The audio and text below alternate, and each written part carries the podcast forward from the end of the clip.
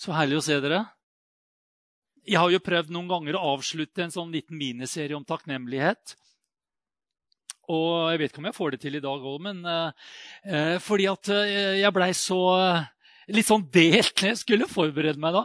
Eh, fordi at eh, jeg bare var switcha litt innom, og så hørte jeg på Eller jeg var innom eh, en TV-kanal, og der var The Chosen med noe som vi har vist her tidligere, om Jesus som møter eh, den kvinnen ved Sykars brønn i Samaria.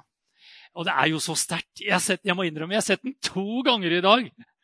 Jeg måtte bare se det, for det rører noe så sterkt med meg. Å se det at Jesus på en måte velger seg det dårligste av det dårlige. For han skal åpenbare seg som Messias, Guds utsendte sønn skal han åpenbare for første gang offentlig. Og så gjør han det med ei dame som lever et så totalt elendig liv.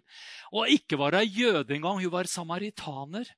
Eh, og det var en ordentlig sånn revansj eller en sånn fight mellom eh, samaritanerne og jødene. Jødene ville aldri regne samaritanerne som ekte, genuine jøder. Så de bygde hver sine templer. Et tempel det var på Gerasim. Der var det samaritanerne bygde. Og så var det Moriaberg, tempelhøyden, Jerusalem. Jødene bygde sitt tempel. Og så drev de og saboterte og ødelagte litt templene til hverandre og sto på der. Så det var en ordentlig krig, altså. Det som ble så sterkt for meg i dag, når jeg bare var i den historien og Jeg måtte slå opp også i, uh, Johannes kapittel 4. Og så hadde det ingenting med prekena mi å gjøre. i det hele tatt, Så jeg ble litt sånn Gud i himmelen uh, Hvorfor bruker jeg så mye tid på det i dag? Jeg må jo bruke Men du vet, én ting har jeg, har jeg, lært meg. Det er fløda med Den hellige ande. Det vet jeg er bare så viktig. Jeg bare tenkte Gud, du skal si for meg noe i, i dag. Og det var så, det, Jeg har jo ingen tekst, jeg har ingen skrevet noe ned, men det jeg opplevde var så sterkt, det var når, når Jesus møter denne kvinnen, og den historien kan jo ta så mange forskjellige retninger, men når Jesus begynner å snakke til henne, så sier han uh, her at uh, De begynner å snakke om vann. Eh, de er ved en brønn. Jesus har jo en fantastisk innfallsvinkel her. Og så, og, og så, begynner de å snakke litt om menn, og så prøver hun å få Jesus litt bort fra det ved å snakke om uh, uh, Når han begynner å snakke at 'du har ingen mann', så sier hun 'Å, du, er, uh, du har hatt fem menn', og da sier hun 'Å, du er en profet'. sier hun da. Og så begynner hun å snakke om noe som er interessant. Så sier hun i vers 20 'Våre fedre tilba på dette fjellet'. Og da snakka hun om altså uh, Garisim, eller Ger Gerisim. Uh, og, og, dere sier at Jerusalem er stedet hvor en bør tilbe.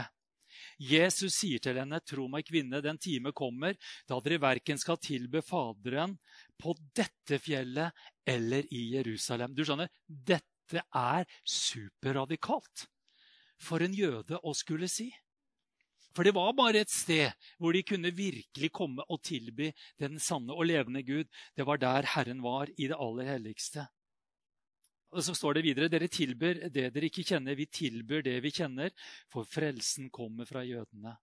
Og så står det i vers 23.: Men den time kommer og er nå, da de sanne tilbedere skal tilbe Faderen i ånd og sannhet.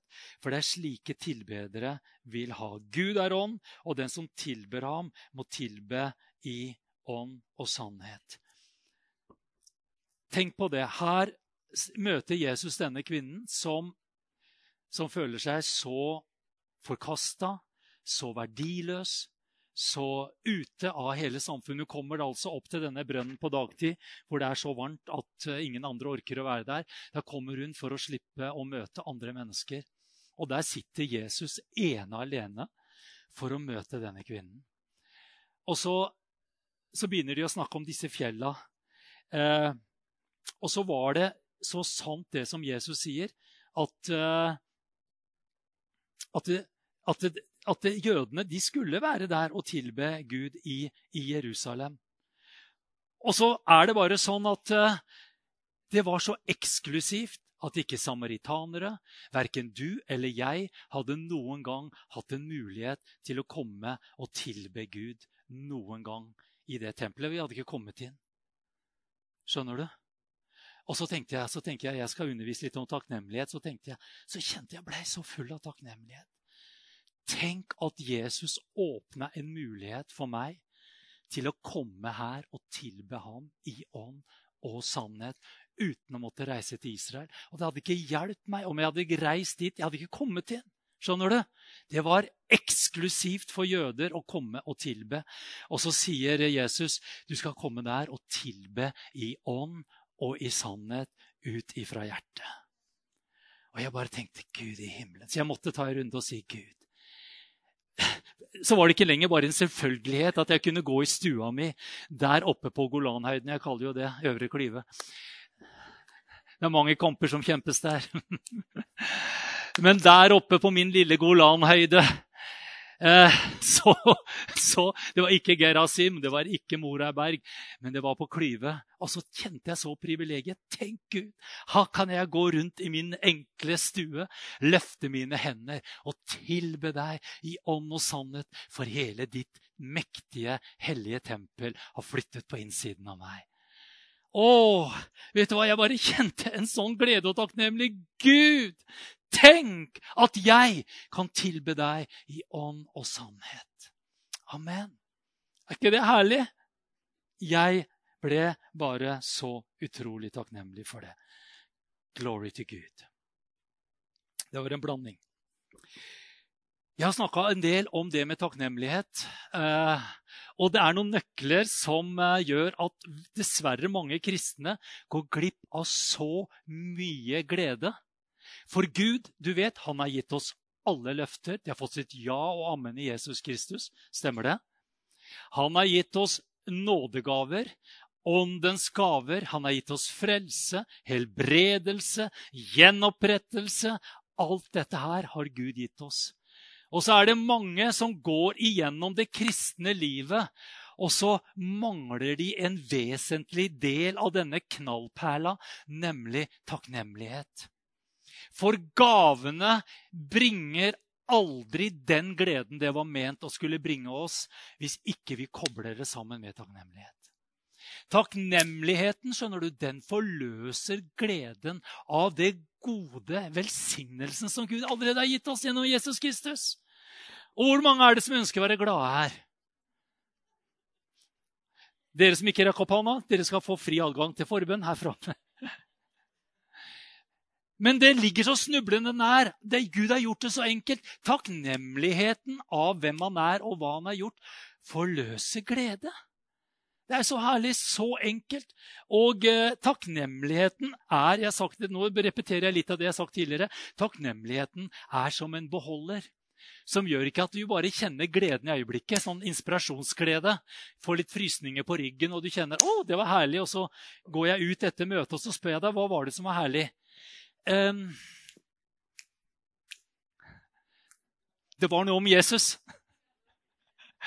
Men du skjønner, takknemligheten, det å være takknemlig og bære på takknemlighet, i hverdagen på si 24-7, da har du en beholder som gjør at gleden blir vedvarende.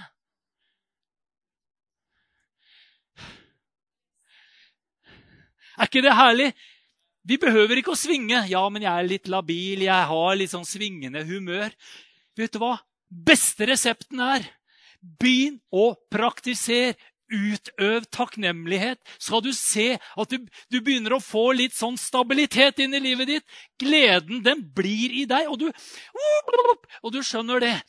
Jesus han sier jo til denne kvinnen om dette vannet som var så fullt av liv og kraft. Han sa at det, det vannet her blir du tørst av igjen, men det vannet som jeg vil gi deg, skal du aldri i evighet tørste, men det vannet jeg vil gi ham, blir i ham en kilde med vann som veller fram til hva da? Til evig liv. Det er det mest konstante vi kan møte. Hva det er for noe? Det er evig. Amen. Halleluja. Å, jeg bare, jeg bare vet jo Jeg lar meg lure, akkurat sånn som deg. Men jeg vet med en gang jeg setter fokuset på takknemlighet, hva Gud er, hva han har gjort, hva han har gjort ferdig for oss, alt dette her, så kjenner jeg at midt i det som er tøft og vanskelig, så opplever jeg at det er noe kildevann her som jeg kan begynne å øse av. Halleluja. Og så bare kjenner jeg Gud, jeg er takknemlig. Og Det var derfor jeg var innom den eh, på å si, Sykarsbrønnen i dag. Det var som Gud ville si, Runar, nå skal jeg vise deg en av de herlige grunnene til hvorfor du kan være så takknemlig. Og så kjente jeg Gud. Takk at jeg får lov til å tilbe deg i ånd og sannhet av bare nåde. Det når, når du og jeg viser takknemlighet, og det kan vi gjøre mange ganger Første gangen jeg hadde om dette, så kom det en herlig kø fram her. Husker dere det? Det var 21. Eh, desember. Da var det noen framme her som begynte å gi vitnesbyrdet sitt om hva, hva Gud har gjort. Og du vet, Når vi begynner å gi vitnesbyrde av hvem Jesus er, hva han har gjort, og hva han fortsatt gjør, og hva han kommer til å gjøre, så blir det forløst en glede. Og så snakka jeg om denne hendelsen med disse ti spedalske. Alle ble helbredet. Det var én som kom tilbake. Og hva gjorde han? Ved å komme tilbake, falle ned for Jesu føtter og si, 'Takk, Jesus. Takk, Jesus. Takk, Jesus.' Og så reiste han seg opp der, og så sa Jesus, ved at du kom tilbake og takket meg, så ga du Gud ære. Tenk på det! Takknemligheten gir Gud ære. Og hvis vi skal følge det eksempelet i Guds ord her, så er det 10% som driver på med det. Kan vi bli enige om du skal være blant de 10% som gir Gud ære? Halleluja! La det økes til 20. La oss strekke oss til 30. Det er noe som blir forløst, skjønner du. Det er en glede som kommer av takknemlighet, som vises gjennom å ha sagt 'Hør hva Jesus har gjort for meg'. Så snakka jeg om dette med Moses, som måtte lære israelsfolket å takke for. Og Det var vi rett rundt jul, vet du, så da ga jeg noen hemmelige oppskrifter hvordan du kan få takknemlige barn. Takknemlighet det ligger ikke det øverste laget i vår menneskelige natur. Det er som du, Jarl, sa, der ligger ålesunderen, og han sømmer sånn. I vårt kjøtt, i vår menneskelige natur, så er det en umettelighet av å få, av å, av å si, bli velsigna, men å, å, å karre til seg. Så eh, det som er viktig å vite Takknemlighet, vet du hva det er for noe? Det er noe som må læres. så snakka jeg om denne herlige lille jenta jeg møtte for en del år siden, hvor foreldrene hadde en underlig teori. Det var at denne lille jenta skulle selv finne ut hvor viktig det var å takke for det man fikk. Og denne jenta er i dag 26 år og ennå ikke funnet ut av det. Det er ikke mye, det er ikke mye ålreit å skulle gi noe, det bare, og det bare blir Å ja. Skjønner du? Og det som jeg ser, det er at uansett hva som blir gitt, så er det det er stoneface. Det er ingen glede. Det er ingen, det er ingen sånn der, wow, liksom. Det er, det er, liksom som det skulle så være. Og det er noe vi kristne aldri skal falle i den grøfta der. Jeg lever i en liten boble her på troens liv. Og så hadde vi jo så et vidunderlig besøk av en herlig gudsmann forrige helg. Noen som husker det og opplever det, eller har du glemt det allerede? Jeg har gått og takka Gud nesten hele uke for, eh, for det. Ikke sant? Og så kommer han hit, og så velsigner han oss. Eh, og, så, og, så, skriver han så mye takke-SMS. Jeg fikk senest den i dag. Takke-SMS-er til meg, så jeg nesten blir flau.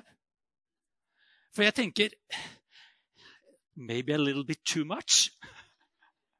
Og så tenker jeg han er jo ikke amerikaner. Han er jo en nøktern engelskmann. Ok, med karibisk blod, men allikevel. Og han oppmuntrer, og han takker, og han takker, og han takker. Og du vet, vet du hva som skjer når han takker? Så blir jo ikke bare han glad, men jeg må jo innrømme Jeg blir jo litt glad, jeg òg! Takknemlighet er veldig smittsomt. Når du viser og utøver takknemlighet, så blir den du utviser og utøver takknemlighet for, han blir også veldig takknemlig og glad. Og vet du hva? Gud er ikke snauere da han blir litt glad, han også. Jesus ble glad. Han sa, Gi Gud ære. Vet du hva? Når vi er en menighet som ikke tar noe bare som en selvfølgelighet liksom bare, Ja, vi er på troens liv, og det er liksom sånn og sånn. ja, og så kommer det, Men det er neimen mye ting som ikke er på plass i denne menigheten. Det enkleste er å finne feil og mangler. Husker du Fekman sa det? Jeg kom til Livets ord, så tenker jeg nå er det next to heaven. tenkte jeg. Next to heaven. Noe av det første han sa når vi kom på bibelskolen, sa han, til, han sa før det første Denne menigheten var helt perfekt helt til du kom. Det var det første vi ble møtt med. Og så, så sa han også Og du kommer fort til å se at her er det feil og mangler. Dagen etterpå jeg gleda meg vilt. Vi skulle ut og evangelisere. Jeg tenkte livets ord. Det må være helt ville folk på evangelisering. Og jeg storma inn i den store salen vi skulle på. Vi skulle ut i Uppsala. Vi skulle ut og evangelisere. Jeg storma inn i den fulle salen. Det var helt tom.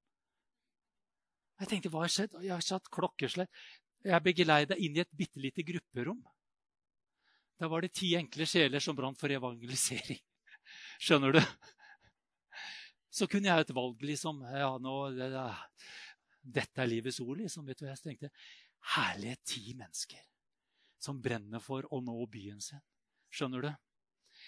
Det der med, der med det er lov til å, å, komme med konstruktiv kritikk og påpeke, påpeke ting og sånn, men bevar hjertet ditt.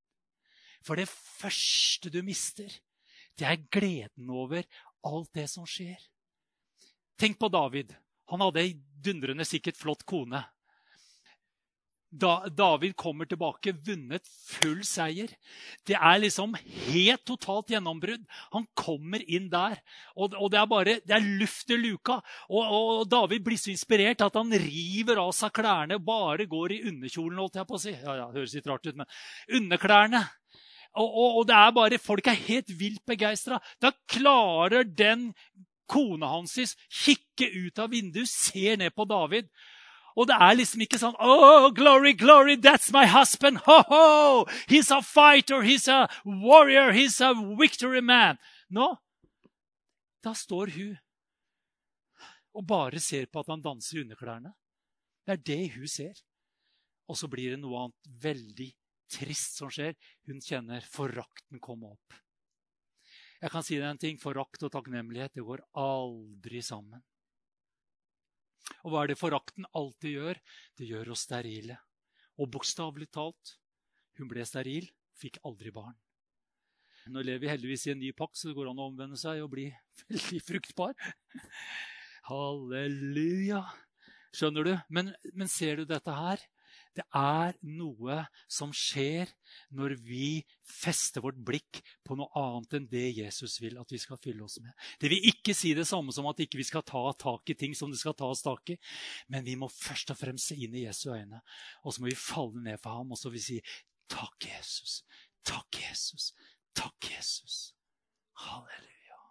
Vet du hva? Det gjør noe med deg, det gjør noe med de menneskene du omgås, og det gjør noe med atmosfæren. Du vet, I den atmosfæren så må Gud gjøre mirakler. For hva som skjer? Vi gir Gud ære. Gi Gud ære. Kjære Gud. Halleluja. Jeg tror ikke jeg kanskje kommer noe særlig videre enn å bare repetere det jeg har gjort, men det blir jo litt annerledes uansett. Så var jeg inne på det her med David, som kom og viste oss viktigheten av å takke Gud, selv om ting ikke var på plass. På tross av at det var motstand og fight, så valgte David, og da leste vi Salme 23, han valgte å takke og prise sin Gud. Amen. Har noen som har opplevd at ikke alt har gått på skinner? Hva er det vi sier da, Liv? Vi har et valg om å være en Eller en kritiker, anklager. Vi har et valg. Hva gjør vi da? Går vi rett i fella og blir kritiske, sure, peker på alle andre? Eller går vi inn i forbønn? Blir vi en forbeder? Stole på Gud? Og eh, så, ja, jeg må nesten altså, jeg må litt opp og se på det, for det er, det er så sterkt. For det står ja, selv om jeg må vandre gjennom dødsskyggens dal, frykter jeg ikke for noe ondt, for du er med meg, din kjepp og din stav, de trøster meg. Og så kommer det 'Du dekker bord for meg rett foran mine fienders øyne'. Og Jeg husker jeg sa det veldig tydelig. Det der med fiender Jeg så for meg liksom mennesker. Men fiendene våre er kanskje ikke først og fremst mennesker. Men det er frykt, det er mangler, det er uh, avhengighet, det er fordømmelse. Altså, skjønner du? Det kan være våre fiender. Selv om våre fiender leirer seg mot oss, så har du dekket et bord rett foran mine fienders øyne. Du salver mitt hode med olje, og mitt beger flyter over. Halleluja. Takk, Jesus. Men så kommer det. Det fins ett nivå til. Her er spennende, skjønner du. Det fins ett nivå til av takknemlighet. Og det nivået der har ikke jeg vært noe særlig inni. Jeg, min ånd roper ja, mitt kjøtt, kjøtt roper nei. For det er en pris å betale for å komme dit. Jeg tenker på det Noen ganger så står vi og ber, og vi synger Herre, mer av deg og mindre av meg. Jeg skal avta, du skal vokse. Halleluja. La det skje smertefritt. Ja, nå vet jeg, men det, nå skjønner du, det er noe vi må nødt til å være ærlige med. Kall oss herlighetsteologer og fremgangsteologer og whatever. Men det er noe i regnestykket i det kristne livet som det er blitt satt en for stor parentes rundt, og som har blitt trukket ut fra et regnestykke, som gjør at ikke svaret går opp, og som gjør kristne både forvirra og usikre. Hva er det som jeg har gjort gærent? For jeg kjente det ble litt motstand. Og vet du hva vi må være ærlige om? Og som Bibelen er full av. Jeg har vært innom det i dag. Jeg leste igjennom alt det Paulus sa til sin eh, herlige sønn i ånden, Timoteus. Hvordan han snakker om lidelse. Av det å følge Jesus og leve ut evangeliet.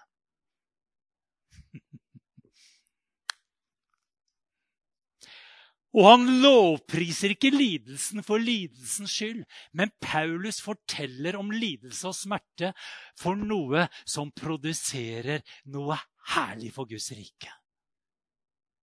Og det er noe her som vi må være veldig sanne og oppriktige om. Hvis ikke så forkynner vi ikke det fulle og hele evangeliet. For det fins noe av det å følge Jesus og bli en disippel av ham. Så står det 'forlate alt'. Jeg hørte litt på Anne Kristiansen i dag òg, faktisk. Bare en par setninger. og sa Hun hun ble spurt av en journalist, og da en journalisten spurte henne hva er det, var det mest radikale og det tøffeste som du møter i Guds ord. Og så sa hun to ord når Jesus sa 'følg meg'. Følg meg. Og jeg bare kjente oh. Men han er lovet å være med alle slags dager. Hans kraft er alltid større enn det som er av motstand i meg og der ute i verden. Det, det mørket vi møter på, fins det alltid et lys som er sterkere. Det fins alltid noe som Gud bare overvinner det som kommer imot oss. Jeg har jo heldigvis, og det skal ikke du heller, aldri takket Gud fordi at jeg får lov til å være i en dødsskyggens dal. Og det er der mange kristne har gjort feil. vet du. Å, Herre, denne, denne sykdommen og denne smerten jeg har fått Jeg vet ikke hvorfor, men uh, du har vel en plan og en mening med det, Herre. Å, denne dødsskyggens dal. Jeg vet ikke hvorfor du har ført meg i, inn i denne dødsskyggens dal. Men jeg bare, jeg bare takker deg for alle plager. Jeg bare takker Og så skjønner du? Vi må snu på det, så må vi si, Herre, om jeg enn Han sier ikke 'Herre, før meg inn i dødsskyggens dal'. Han sier 'om jeg enn skulle vandre i dødsskyggens dal'. For du skjønner, det hender. Og det kommer til å skje. Når vi lever vårt liv med Jesus, så fins det et Getsemane. Det fins en dødsskyggens dal. Det fins en dødens ånd. Det fins veldig mange ting som vil komme og stoppe deg og meg i å gjøre Guds vilje og Guds plan. Om jeg enn skulle vandre i dødsskyggens dal, frykter jeg ikke for noe ondt, fordi du er med meg. Du er med meg. Amen. Du er med meg. Og så kommer det her skiftet. Om jeg enn skulle vandre, så kan vi ha en bønn. Vet du hva? Gud, du kan bruke denne dødsskyggens dal. Kan bli som et våpen imot fienden. Når du dekker bord for meg like for mine fienders øyne, så kan det være en mulighet for deg, Herre, til å vise din storhet og hvem du virkelig er. Amen.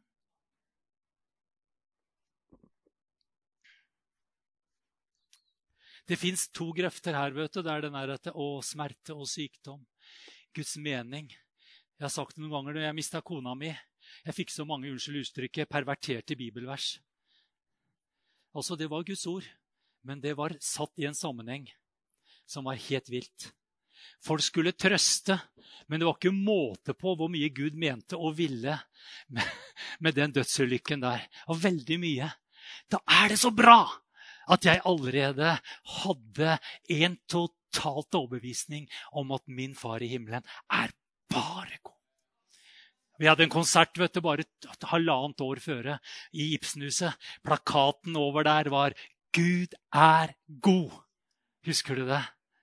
Å, vi bare sang 'Gud er god'.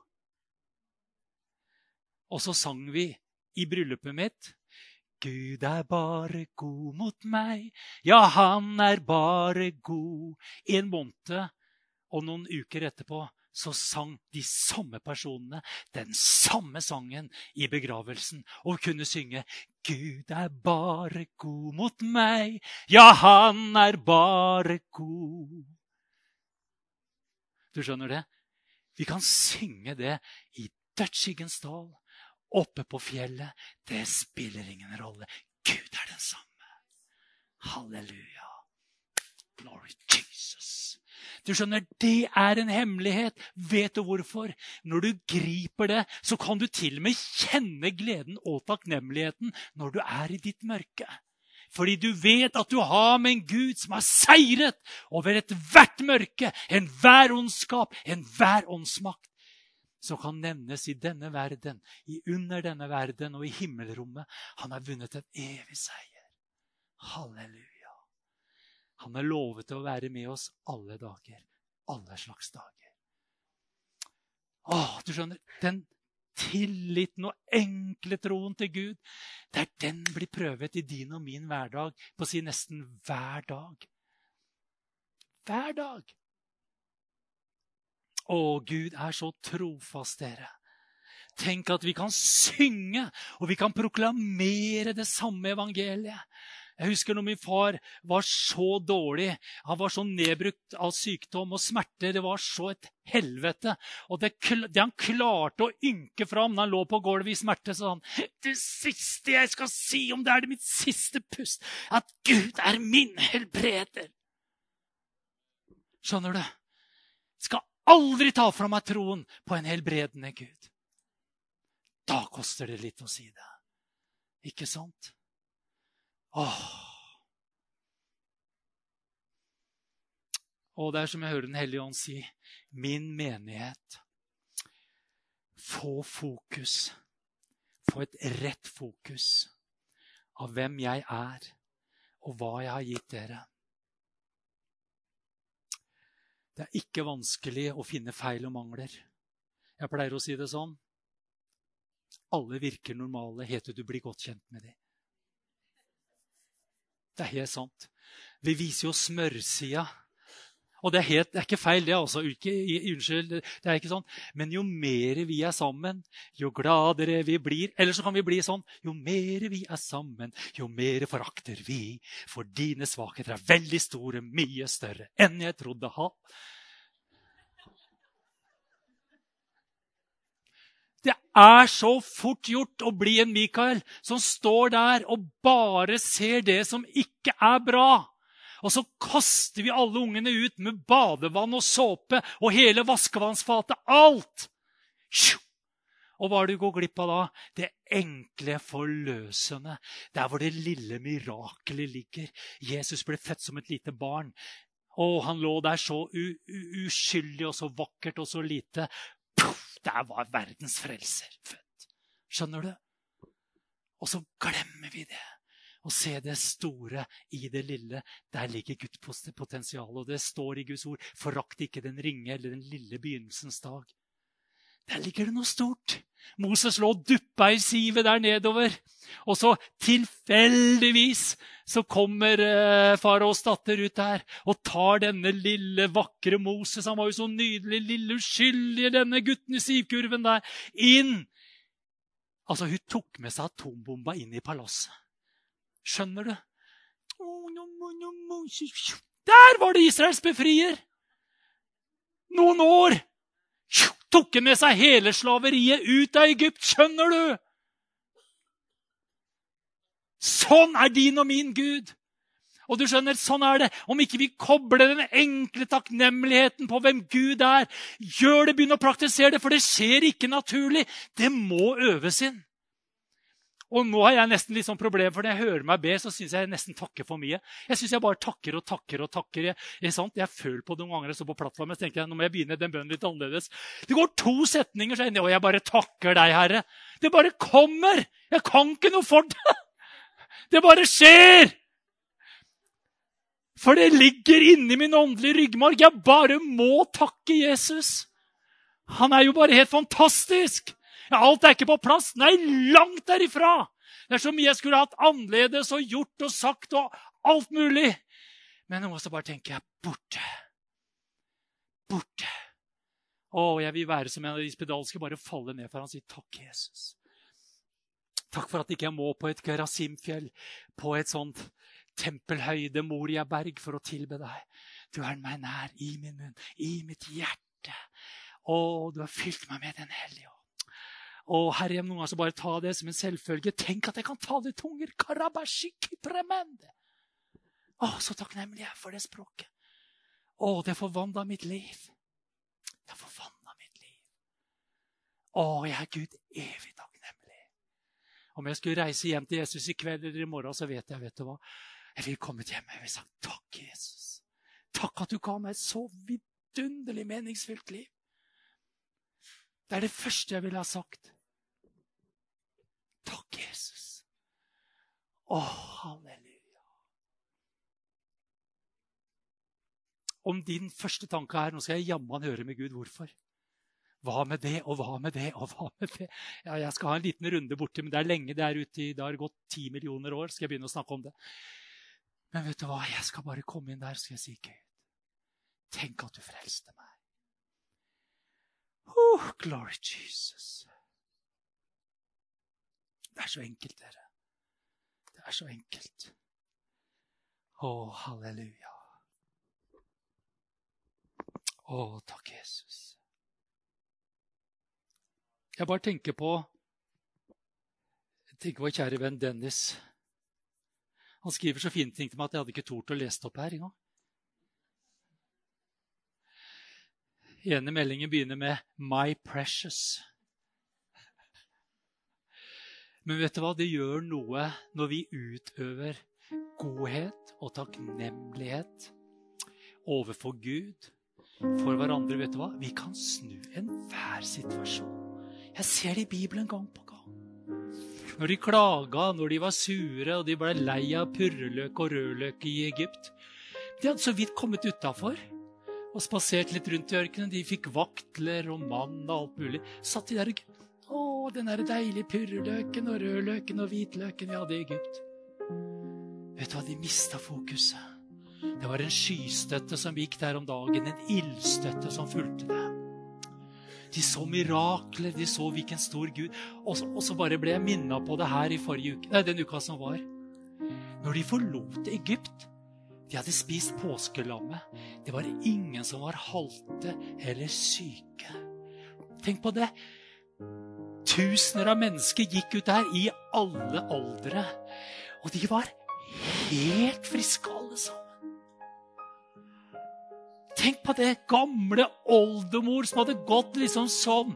Plutselig så ser du de vandrer ut. Oldemor,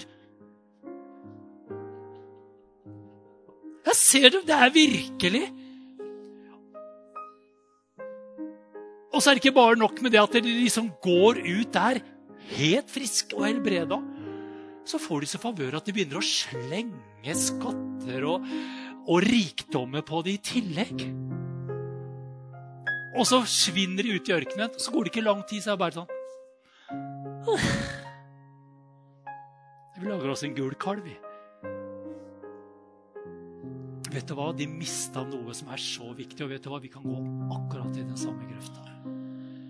Vi som menighet, som Guds folk, jeg som person, jeg kan miste det, så blir jeg opptatt av Jeg syns det er så mye dødsskyggens dal. Og jeg syns det er så mye kamp, det er så mye motstand. Og det er så trist, og det er så leit, og det er så høye strømpriser. Og renta. Og nå var det snakk om at det skulle nesten gå slutt med ketsjup i butikkene pga. streik, og jeg fikk jo helt spader. Det er så leit. Og Pepsi Max-en. Takk og lov, streiken er over. Du skjønner det? Utakknemlighet krymper din og min verden. Det blir så lite. Det blir så trangt, det blir så smått. Og den eneste som så vidt får plassert seg i den verden, det er deg sjøl. Men Gud har et stort hjerte. Og jeg har sagt det så mange ganger, i enden av din og min lydighet venter mange menneskers velsignelse. Mange menneskers velsignelse. Men jeg må bare legge til det er en pris å betale, dere. Det er en pris å betale. Det er en pris å betale. Men jeg kan bare si det også. Det er, og nå goosebumps. Men det er bare så utrolig verdt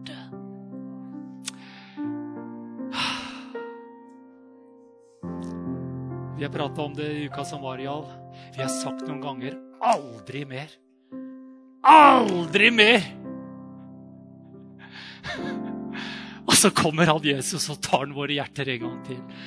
Og så sier vi 'går i runde det'. Så lenge du vil, Herre. Å, Jesus, jeg har gitt mitt liv til deg. Jeg kan ikke velge noe annet, Herre.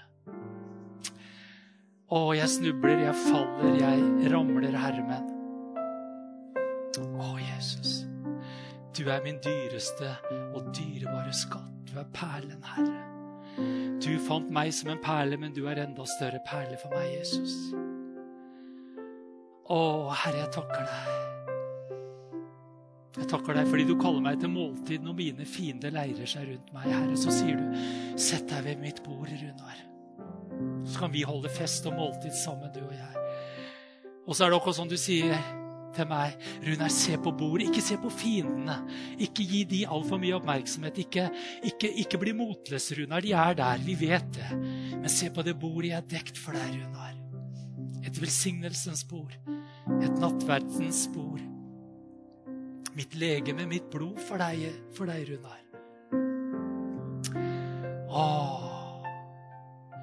Sett deg, Runar. Spis. Drikk for dine fienders øyne. De kan ikke røre deg, Runar. Om ikke du velger å la deg bli berørt, kan de aldri ta sine hender på deg. Frykten må gå, Runar. Frykten må gå. Forkastelsen må vike. Det har ingen makt over deg. Avhengigheten, den bare forsvinner. Å, Jesus. Å, Jesus, Jesus, Jesus. Å, Herre, den første kjærligheten til deg, Jesus. Å, må vi aldri miste den, Herre, den er enkle. Den herre kjærligheten som bare har en naivitet, en renhet, en dybde i seg, Gud.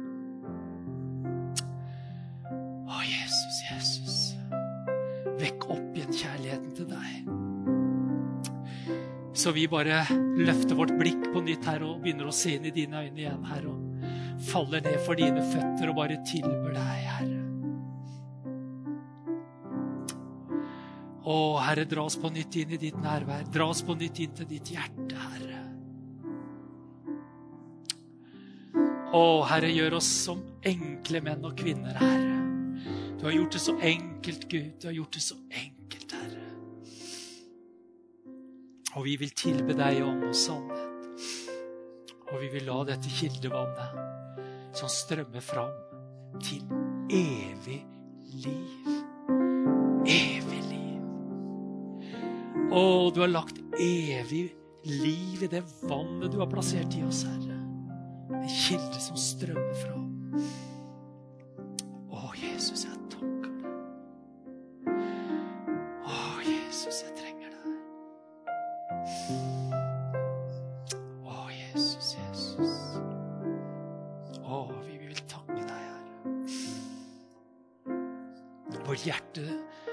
Det strømme over av gode ord, Herre. La oss fortelle deg hvem du er, Gud.